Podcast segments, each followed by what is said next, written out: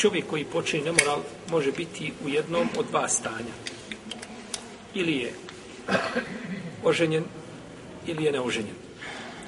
Ovo je opće, može on biti u nekakvim međustanjima, da je razveden. Ali u ovome slučaju to, znači, e, nije bitno, odnosno ne mijenja propis, nego mijenjaju, znači, jedno od dva stanja. Jer je, znači, oženjen, oženjen ili je neoženjen. A, pa pod neoženjen, znači, odnosno pod oženjen, pod, pod uh, propis oženjenog je čovjek koji je, znači, bio oženjen. Pa čovjek koji je, znači, sklopio bračnu vezu i imao intimni odnos sa ženom, jedan put sklopio je ispravnu bračnu vezu. Znači, nije, nije sklopio bračnu vezu koja je neispravna šarijetski. Nego mora biti, znači, ispravna, imao intimni odnos jedan put i razveo se i ostao 15 godina razveden i kada počini nemoral, on se tretira oženjenom osobom. On više nije neoženjen. On se tretira oženjenom, znači, osobom. Tako, znači, kako muškarac, tako je li i žena.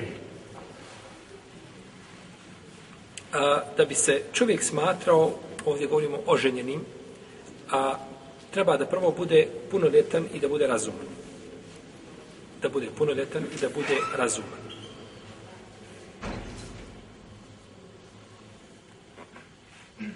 Jer nerazumna osoba i maloljetna nisu, znači, podvrgnuti šerijatskim propisima.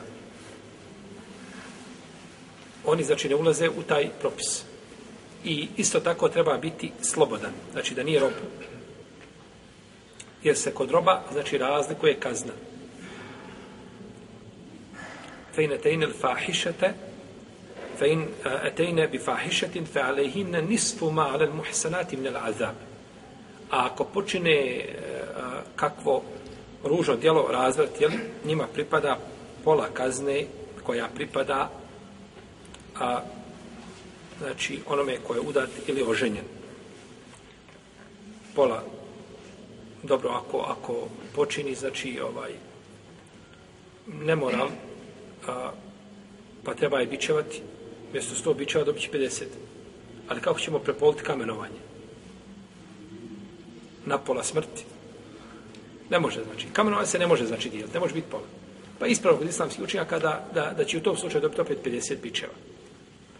Znači, to je propis samo vezani slučaj, znači, za roba, onoga, znači, ko nije slobodan.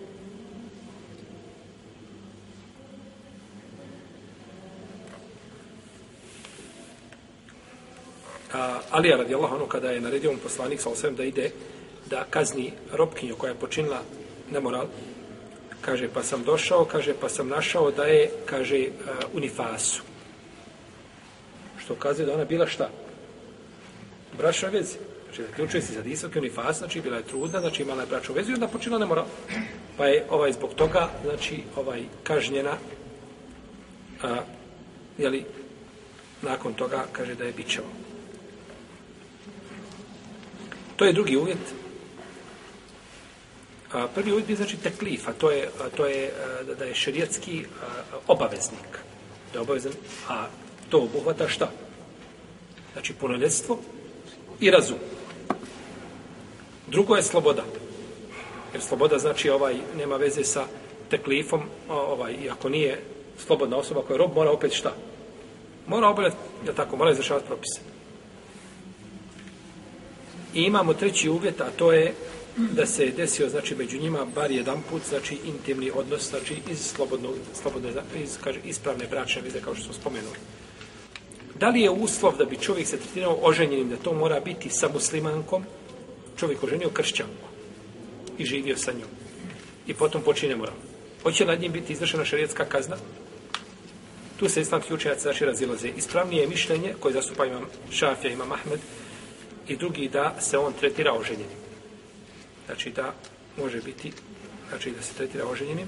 Kao što dva kršćana koji su oženjeni pa počine nemoral, oni ulaze u propis, znači oženjeni osoba. A,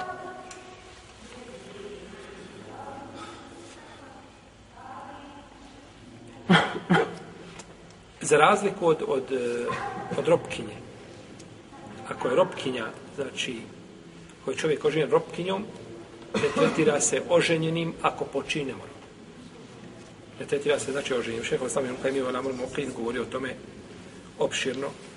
Tada kaže, taman ovaj bila žena slobodna, ružna, pa je li toga na, na, na neki način, je li sebi traži opravdanje da počine moral, bit će kažnjen. A ako ima robkinju, kaže da je najljepša što može biti, pa počini nemoral, neće biti kažnjen, znači kamerovanje, znači nego se kažnjava kao šta? Neoženjen. Kao se kažnjava se, znači kao neoženjen.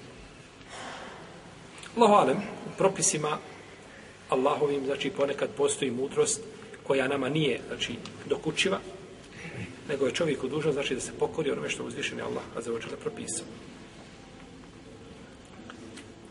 Naravno, kada dođemo do pitanja ovaj kamenovanja e, osobe, ovdje kad smo govorili za, za, za e, roba, zašto će robu biti pola?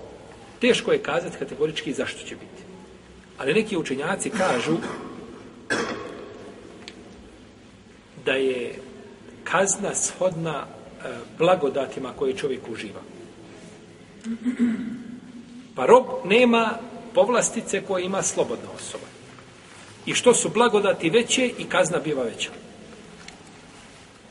Ja ni nebi, men je ti min kun nebi fahišetim mu bejinetin, ju da'afu leha da adabu di'afin.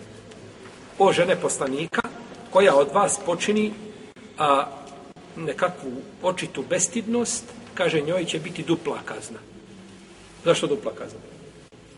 Zato što su njene blagodati duple i više nego duple. Zato što je žena poslanika i zato što ima, znači, ovaj poseban, znači, status u tom pogledu, pa živi, znači, u kući objave i ne treba, znači, da čini nešto što ne doliči. Pa bi imala duplu kaznu. A tako rob koji ima manja prava, on ima šta? Manju kaznu.